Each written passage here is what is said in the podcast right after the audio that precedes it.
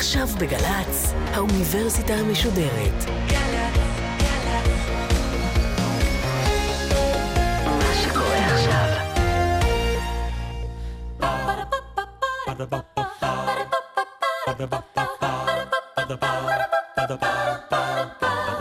האוניברסיטה המשודרת בשיתוף מיזם וויז מציגה המדען העירום מיטב החוקרים בישראל בשיחה עם בן שני אחד על אחד מול קהל. והפעם שיחה עם מיכל שוורץ פרופסור לנוירואימונולוגיה ממכון ויצמן למדע על המוח, מערכת החיסון ומה שביניהם. עורכת ראשית מאיה גאייר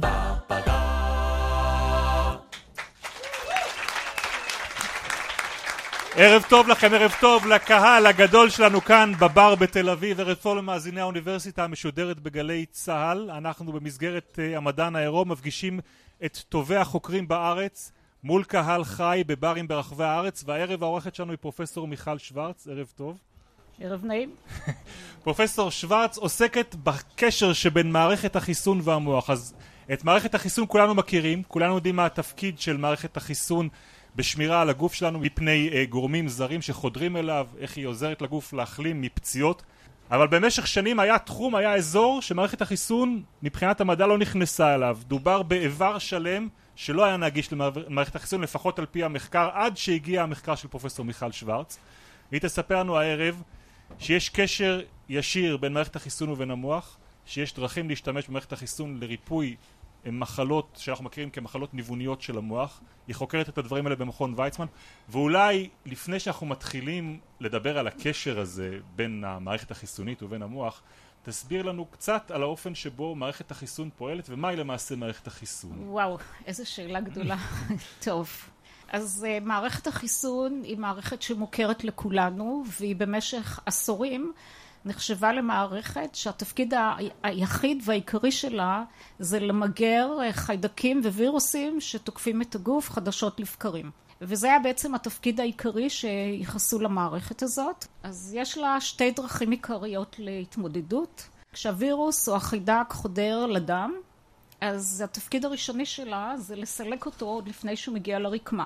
כלומר מה זאת אומרת לסלק? מה היא עושה? לאכול אותו, לבלוע אותו, למגר אותו אנחנו יודעים שכשמערכת החיסון נכנסת לפעולה אנחנו מרגישים את זה בגוף בצורה של מה שאנחנו קוראים לו דלקת בדרך כלל, נכון? נכון.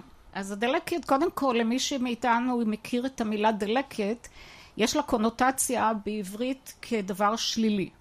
עכשיו באנגלית אנחנו מפרידים בין דלקת זיהומית לדלקת סטרילית. עכשיו הדלקת הזיהומית זה באמת הדלקת שנגרמת על ידי וירוסים וחיידקים והדלקת החיובית, הדלקת הסטרילית, זה דלקת שנגרמת כשיש לנו חבלה או כל פגיעה בגוף והתפקיד שלה הוא מאוד חיובי, גם הדלקת הזיהומית התפקיד שלה חיובי. אבל מה, הדלקת הזאת צריכה להסתיים. אם לא מסתיימת בזמן היא נכנסת לאיזשהו אה, סחרור והיא מדלקת חיובית שתפקידה לסלק ולמגר את החיידק או הווירוס היא הופכת להיות שלילית. זאת אומרת יש פה שור, שורת אירועים שמערכת החיסון זה התפקיד שלה לנהל בצורה מסונכרנת ובסדר הנכון והרציף אבל תפקיד מערכת החיסון במשך שנים רבות ייחסו לו רק תפקוד של להתמודד עם פולשנים. לאחר מכן התברר שיש למערכת החיסון גם תפקיד בריפוי בשנים האחרונות אנחנו שומעים הרבה פעמים שמדברים ומזכירים את מערכת החיסון, את התפקיד שלה בריפוי סרטן, התרופות החדשות שיודעות להשתמש במערכת החיסון לרפא סרטן. מה, מה למעשה הן יודעות לעשות? אז אה, קודם כל אה, לקח הרבה מאוד שנים להבין שלמערכת החיסון יש תפקיד בכלל בלהתמודד עם הסרטן. והיו המון שנים קלישאות שאם זה כואב לך אז אין לך מה לדאוג זה לא סרטן. עכשיו מה שהתברר בשנים האחרונות שמערכת החיסון מתמודדת עם הסרטן עוד לפני שהוא מתפתח כגידול ויש בין מערכת החיסון לסרטן יש שלושה שלבים.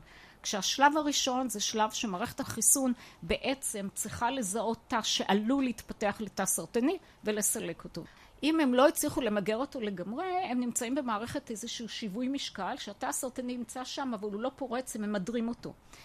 ובסופו של דבר השיווי משקל הזה מופרע לחלוטין והסרטן בורח ממערכת החיסון. זה מושג שמשתמשים בו הסרטן בורח ממערכת החיסון במשך השנים האחרונות ניסו להוציא תאים של החולה עצמו, לחנך את התאים של החולה להכיר את הגידול ולהחזיר את החולה תאים של מערכת החיסון ובעצם הבינו שבעצם באופן ספונטני החולה מנסה להתמודד עם הגידול ויש לו תאים שהוא מייצר ספונטנית כנגד הגידול והוא לא מצליח לייצר אותם בכמות מספקת כי הגידול מתעתע את מערכת החיסון. איך הוא מתעתע אותה?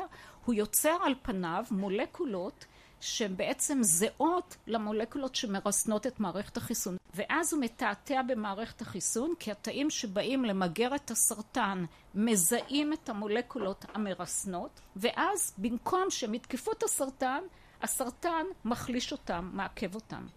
והתרופות החדשניות בסרטן שבאמת אין, אין דומה להם ולא נוצרו אף פעם תרופות יותר טובות מהם הן מבוססות על יצירת נוגדנים כנגד המולקולות המרסנות. וככה למעשה נלחמת... והנוגדן בעצם משחרר את תאי מערכת החיסון מהריסון ועל ידי זה הם יכולים לתקוף את הגידול. והתרופות החדשניות הן בעצם נוגדנים שמפחיתים את הריסון של מערכת החיסון. אני מבין שאת מתחילה למעשה את המפגש שלך עם מערכת החיסון כשאת באה לחקור אותה ואת הקשר שלה עם מערכת העצבים המרכזית של נכון, האדם. נכון. יכולה לספר לנו איך חוקרת הולכת וחוקרת למעשה דווקא את התחום הזה? טוב, אז uh, עשיתי את התואר הראשון באוניברסיטה העברית, כשהמוקד היה כימיה, פיזיקה ומתמטיקה, בעיקר כימיה וכימיה פיזיקלית ומתמטיקה. ואת הדוקטורט עשיתי במכון ויצמן בחקר חיסונים כימיים. אז uh, כשסיימתי את הדוקטורט נסעתי לעשות uh, עבודת בתר דוקטורט במחלקה לחקר המוח שעוסקת בשיקום עצבים ואז התוודעתי לכך שפגיעות מוח וחוט שדרה השיקום הוא מאוד מוגבל.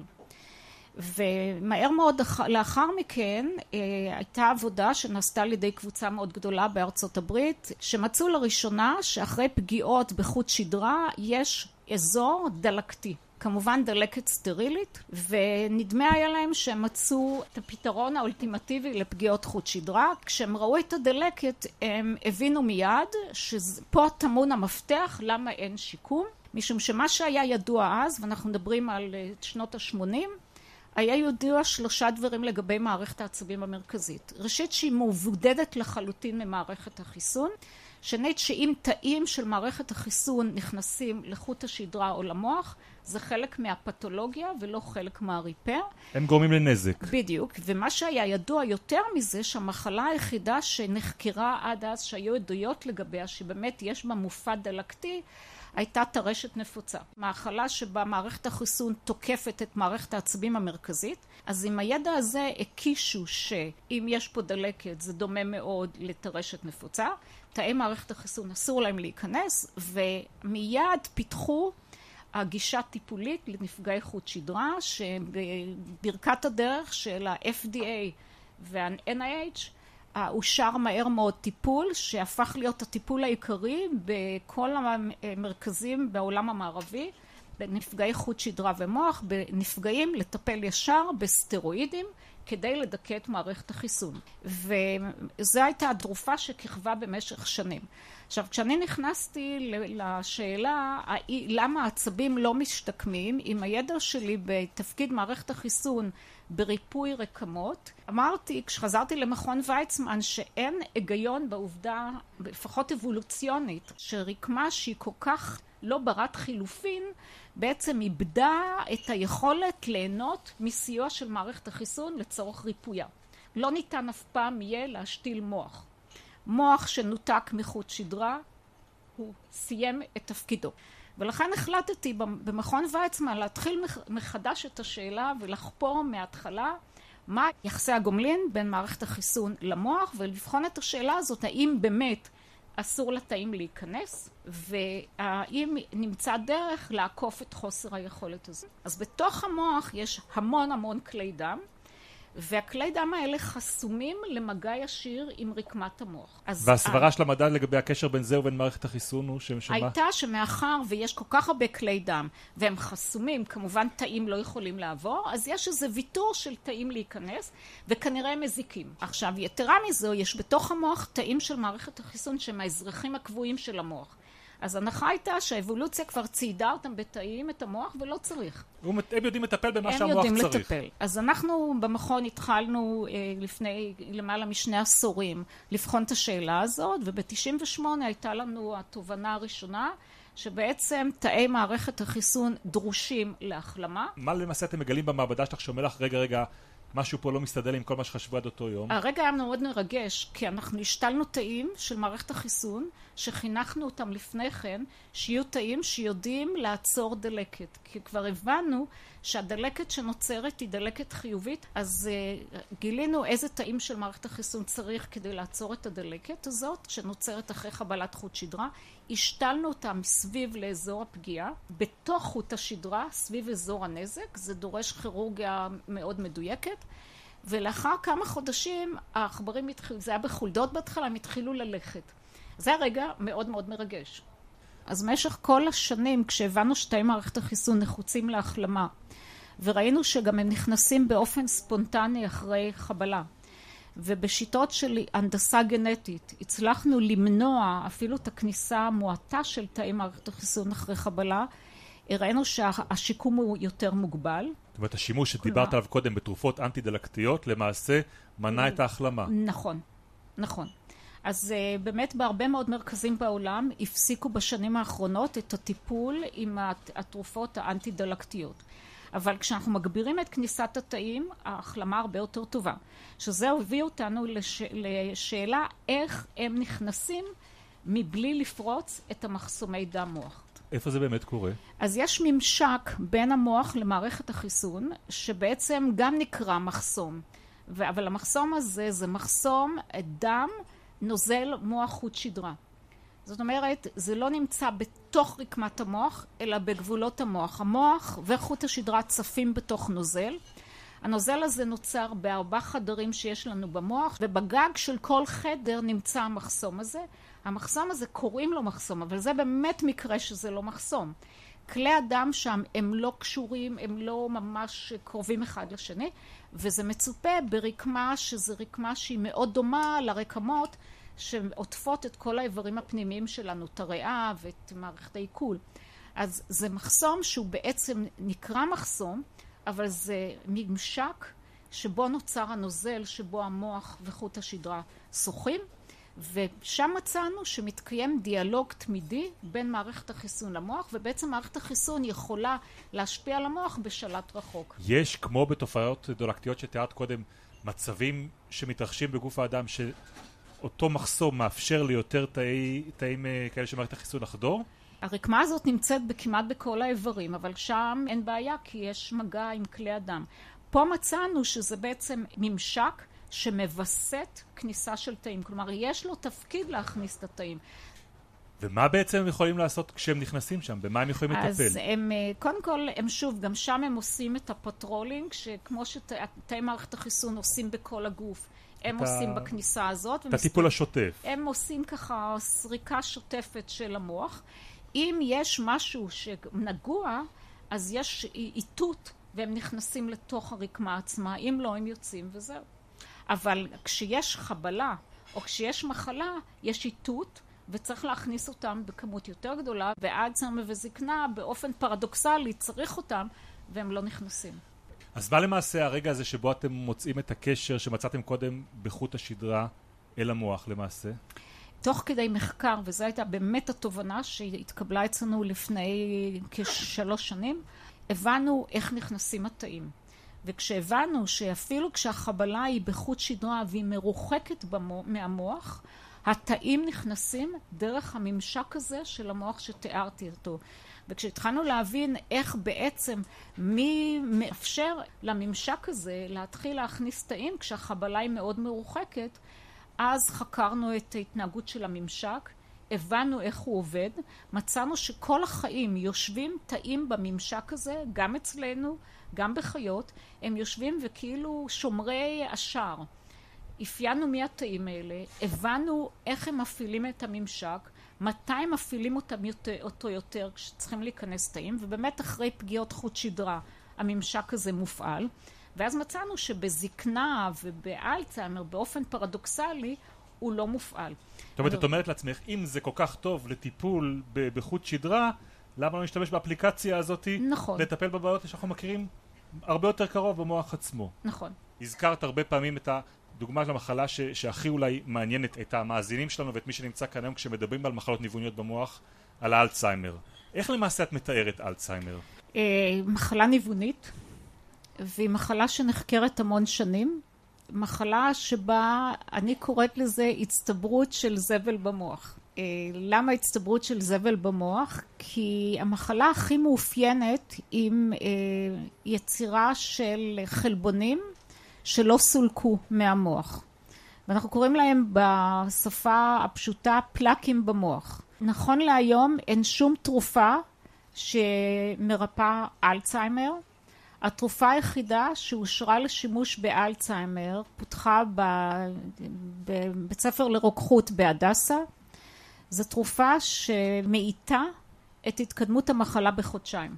עכשיו מדברים על מחלה כרונית של כמה עשורים. ובמשך שנים הגישה הייתה לנסות למצוא ריפוי, דרך לסלק את ההצטברות של החלבונים האלה ובעצם כמעט שלושה עשורים מוקדשים לסילוק החלבונים האלה ועד היום שום ניסוי לא צלח. במהלך השנים התגלה שבמחלה הזאת יש דלקת וכפי שאמרתי בכל מחלה שיש בה דלקת הטיפול הראשוני שניסו זה טיפולים עם תרופות אנטי דלקתיות. והמסקנה הייתה ב-2008 נעשה הניסוי האחרון הגדול ממש רב ממדי בארצות הברית לטפל בתרופות אנטי דלקתיות והוא כשל. והשאלה הייתה האם אנחנו לא מבינים את המנגנון או שאנחנו הדיזיין של הניסוי הוא לא אופטימלי. אנחנו בגלל התובנה שלנו שבעצם כדי למגר דלקת צריך להביא תאים של מערכת החיסון ולא לדכא אותם אמרנו בואו ננסה להביא תאים, את התאים הבלעניים שכבר אפיינתי אותם קודם, שדיברתי עליהם שזה המקרופגים האלה, ננסה להביא אותם לאזור הצטברות החלבונים. וב-2006 הקבוצה שלנו ועוד מספר קבוצות בעולם הצליחו להראות שאם מצליחים להכריח תאים של מערכת החיסון להגיע למוח באלצהיימר אפשר לסלק חלק מהצטברות החלבונים אבל זה לא מספיק. החל מ-2006 היה ברור שצריך לאפשר לתאים של מערכת החיסון להגיע למוח אבל לא היה ברור איך להביא אותם. עכשיו כשאנחנו הבנו שיש ממשק בין מערכת החיסון לבין המוח שהממשק הזה יכול לאפשר לתאים להיכנס החל מ-2013 ניסינו להבין האם הממשק הזה עובד ומה מפעיל אותו כדי שהוא יגרום לכניסת תאים. זאת אומרת איזה מניפולציה עושים על המחסום הזה כדי שיאפשר? קודם כל להבין מה המחסום הזה צריך לעשות כדי לאפשר כניסת תאים. והמחסום מה שהוא צריך לעשות הוא לבטא על פניו חלבונים שמאפשרים לתאים לזחול ולהיכנס פנימה. אז אפיינו את הממשק הזה ואז ב-2014 חקרנו לראות מה קורה בזקנת המוח. חקרנו גם בעכברים וגם באנשים ועל ידי שיטות של הגנומיקה בשיתוף פעולה עם מדען ממכון ויצמן, עידו עמית, הצלחנו להבין שהממשק בזקנה חסום. כלומר במקום שהוא יבטא חלבונים שיכניסו תאים הוא פשוט מעוכב. גילינו שהוא מתחיל בזמן הזקנה לבטא חלבונים שמדכאים את היכולת של הממשק הזה להכניס תאים. כשעשינו מניפולציה לעכברים לבטל את החלבון המעכב החזרנו להם יכולות קוגניטיביות. אז זה היה מאוד מרגש. עכבר שאיבד את היכולת, עכבר חולה באלצהיימר? לא, לא זה עכבר זקן. זקן. זקנה נורמלית. הוא בא לשיבה טובה מכאן הגענו לאלצהיימר. וככל שהמחלה מתקדמת המחסום עוד יותר מדוכא. כשניסינו להבין איך הם מדוכאים ראינו שבעצם מערכת החיסון היא לוקה פה בחסר. כלומר מערכת החיסון מזדקנת אז באלצהיימר מזדקנת בצורה מואצת ואותו תא של מערכת החיסון שאיתרנו כאחראי לוויסות הממשק הזה בעצם הרמה שלו מדוכאת באלצהיימר. אז בעצם, מה המניפולציה שאתם יודעים לעשות כדי שכמו שאת אומרת, תעביר יותר תאים ממערכת החיסון אל האזור הפגוע? אז הדבר הראשון שעשינו, השתמשנו בהנדסות, בשיטות של הנדסה גנטית, ליצור עכבר עם אלצהיימר, שבו מערכת החיסון, הריסון בה יותר חלש. ובעכבר הזה ראינו שאנחנו יכולים, אחרי שכבר המחלה פורצת, בשיטות של הנדסה גנטית הורדנו את הריסון, ראינו שאנחנו עושים בעצם ריברס של המחלה. אנחנו יכולים להחזיר יכולות קוגניטיביות, אנחנו יכולים לגרום לעידוד של סילוק הצווארים האלה במוח, ואנחנו מצליחים לרפא עכבר עם אלצהיימר. עכשיו, המחלה מקוננת בגוף, אבל באופן זמני הצלחנו להחזיר יכולות קוגניטיביות ולגרום לסילוק המצבורים האלה. כל זה הוביל אותנו להבין שבעצם התרופה שיכולה לרפא אלצהיימר, מה, מה הריסון הזה עושה? הוא מחזיר למערכת החיסון את הנעורים שלה, הוא מחדש את מערכת החיסון. אז בעצם אמרנו אולי נוותר על הטיפולים שמפתחים לאלצהיימר שבה מנסים לביית טיפולים לתוך המוח בעצם לטפל במערכת החיסון כי כפי שאמרתי השיטות שמנסים היום זה להביא טיפולים לתוך המוח מתוך הנחה שאלצהיימר זה מחלת מוח. מה שאנחנו הבנו זה באמת מחלת מוח אבל לא רק המוח. יש כפי שהתחלנו בהתחלה בסרטן התרופה שהיום התרופה שהיא הכי מבטיחה זה נוגדן שבעצם מוריד את רמת הריסון של מערכת החיסון ניסינו את הנוגדן הזה במודל של אלצהיימר. אותן תרופות שמשמשות היום בריפוי סרטן. אותה תרופה שמשמשת בסרטן, וראינו שבעצם היא מחדשת את מערכת החיסון, והיא גם בעצם משפרת, מרפאה את האלצהיימר. ומה שבעצם עשינו, לקחנו עכבר עם אלצהיימר, נתנו את התרופה הזאת שהיום היא תרופה מבטיחה בסרטן, וראינו שכדי לשמור על היכולות הקוגניטיביות לאורך זמן, אנחנו צריכים לתת את התרופה אחת לתקופה. זאת אומרת, אנחנו הופכים מחלה שאין לה מרפא למחלה, למחלה כרונית עם טיפול. כשאנחנו חושבים על זה, הרי המחלות האלה שאת מדברת, מדברת על אלצהיימר בעיקר, הן מחלות שמקורן בהזדקנות. נכון. באיזושהי תופעה ביולוגית טבעית שבו הגוף למעשה נפרד מהיכולות שלו. את חושבת שהוא רצה שם את מערכת החיסון פעילה? העניין הזה של רצה, זה, הוא לא מדויק. אני חושבת שמה שזה מוביל אותנו זה להגיד שבזהירות גדולה מאוד, שבעצם הגיל הכרונולוגי הוא פחות חשוב. הגיל האימונולוגי או הגיל של מערכת החיסון הוא יותר חשוב.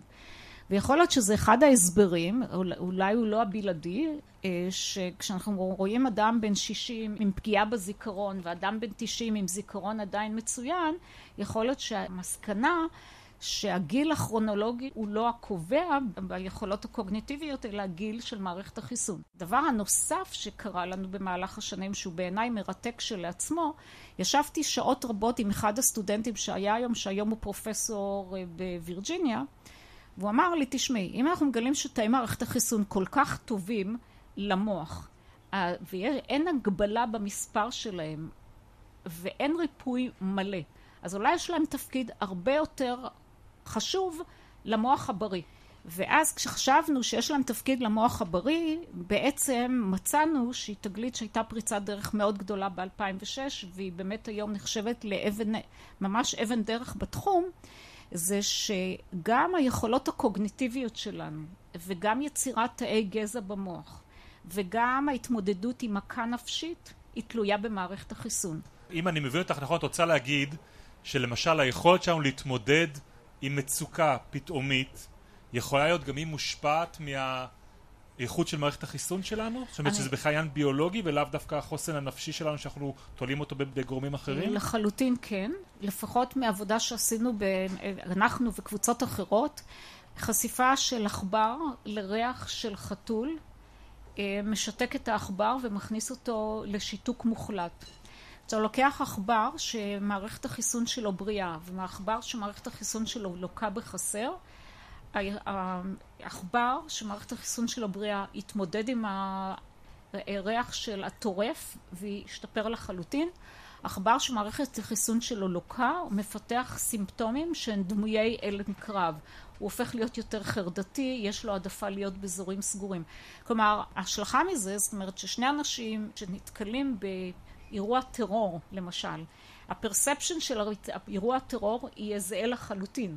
התוצאה מבחינת ההלם קרב תהיה שונה לחלוטין אם מערכת החיסון תהיה יותר חזקה או יותר חלשה. עכשיו, מערכת החיסון לא מוחקת את הזיכרון של הטראומה. היא מאפשרת למוח להתרפא מהטראומה בצורה טובה יותר. האם גם לך יש מקרים כאלה שבהם את פוגשת אנשים שמגיעים אלייך למעבדה ואומרים לך, פרופסור שוורץ, אני קיבלתי את הבשורה הנוראה הזאת על מישהו שקרוב אליי שחולה, או אני בעצמי חולה. מה יש לך שם במקררים במכון ויצמן שאולי כבר יכול לעזור לי? במקרר אין לי שום תרופה לתת לאף חולה. מה שאני כן יכולה להגיד, מאחר והתרופה שאנחנו מוצאים שהיא מאוד רלוונטית לאלצהיימר, היום מספר רב של חברות פונות אלינו ואנחנו, זה, כיוון שזו תרופה שאושרה כבר לסרטן, הדרך לאלצהיימר היא תהיה יחסית קצרה, זה דורש ניסוי קליני, אבל אפשר יהיה להגיע, אנחנו מקווים שתוך שנתיים נגיע לניסוי קליני בחולי האלצהיימר.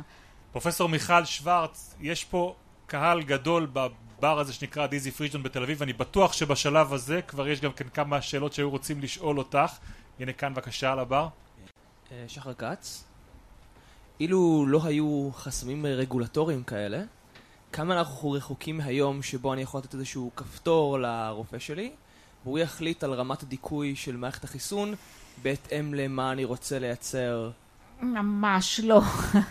רחוקים מאוד. המערכת החיסון היא צריכה את הריסונים האלה בצורה בלתי רגילה. זאת אומרת, אה, היא, היא עובדת מאוד על fine tuning, ואתה צריך גם את האקטיבציה וגם את הריסון.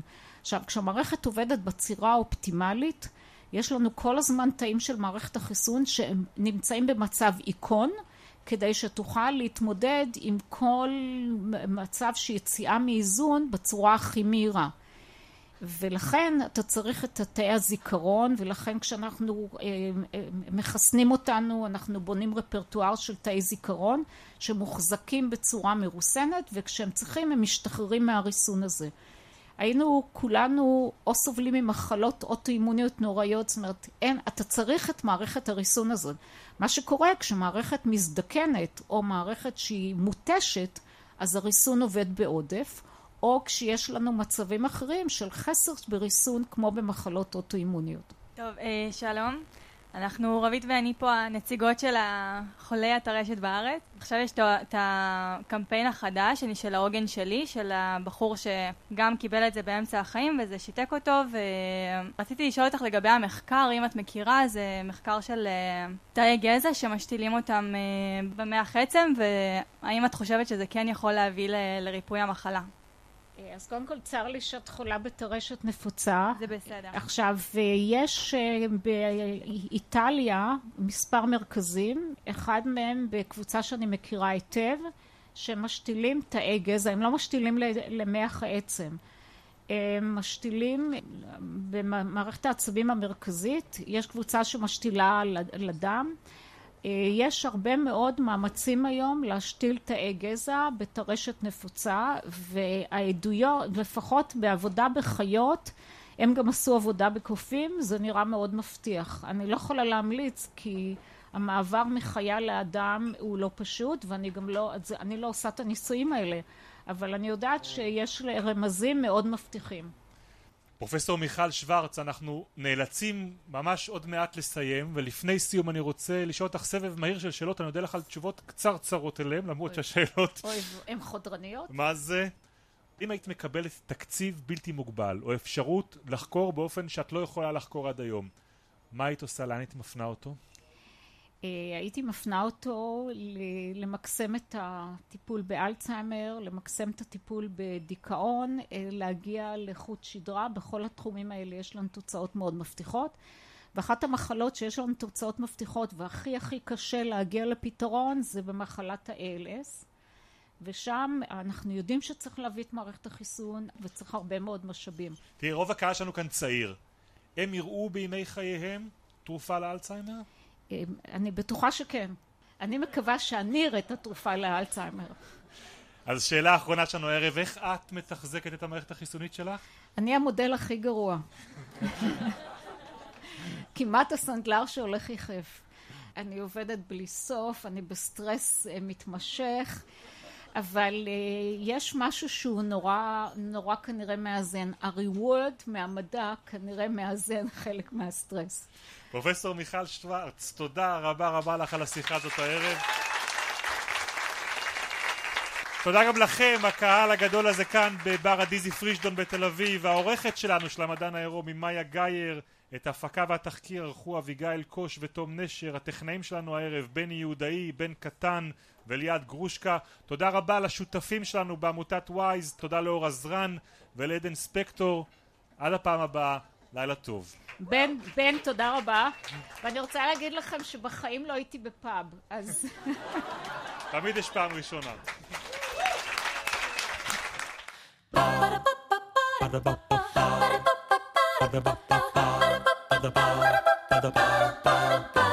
האוניברסיטה המשודרת, המדען העירום. בן שני שוחח עם מיכל שוורץ, פרופסור לנוירואימונולוגיה ממכון ויצמן למדע, על המוח, מערכת החיסון ומה שביניהם. אורחות ומפיקות, אביגיל קוש ותום נשר. מנהלת תוכן, מאיה להט קרמן. עורך דיגיטלי, נדב הלפרין. האוניברסיטה המשודרת, בכל זמן שתרצו, באתר וביישומון של גל"צ, וגם בדף הפייסבוק של האוניברסיטה המשודרת. Ba-da-ba, ba-da-ba.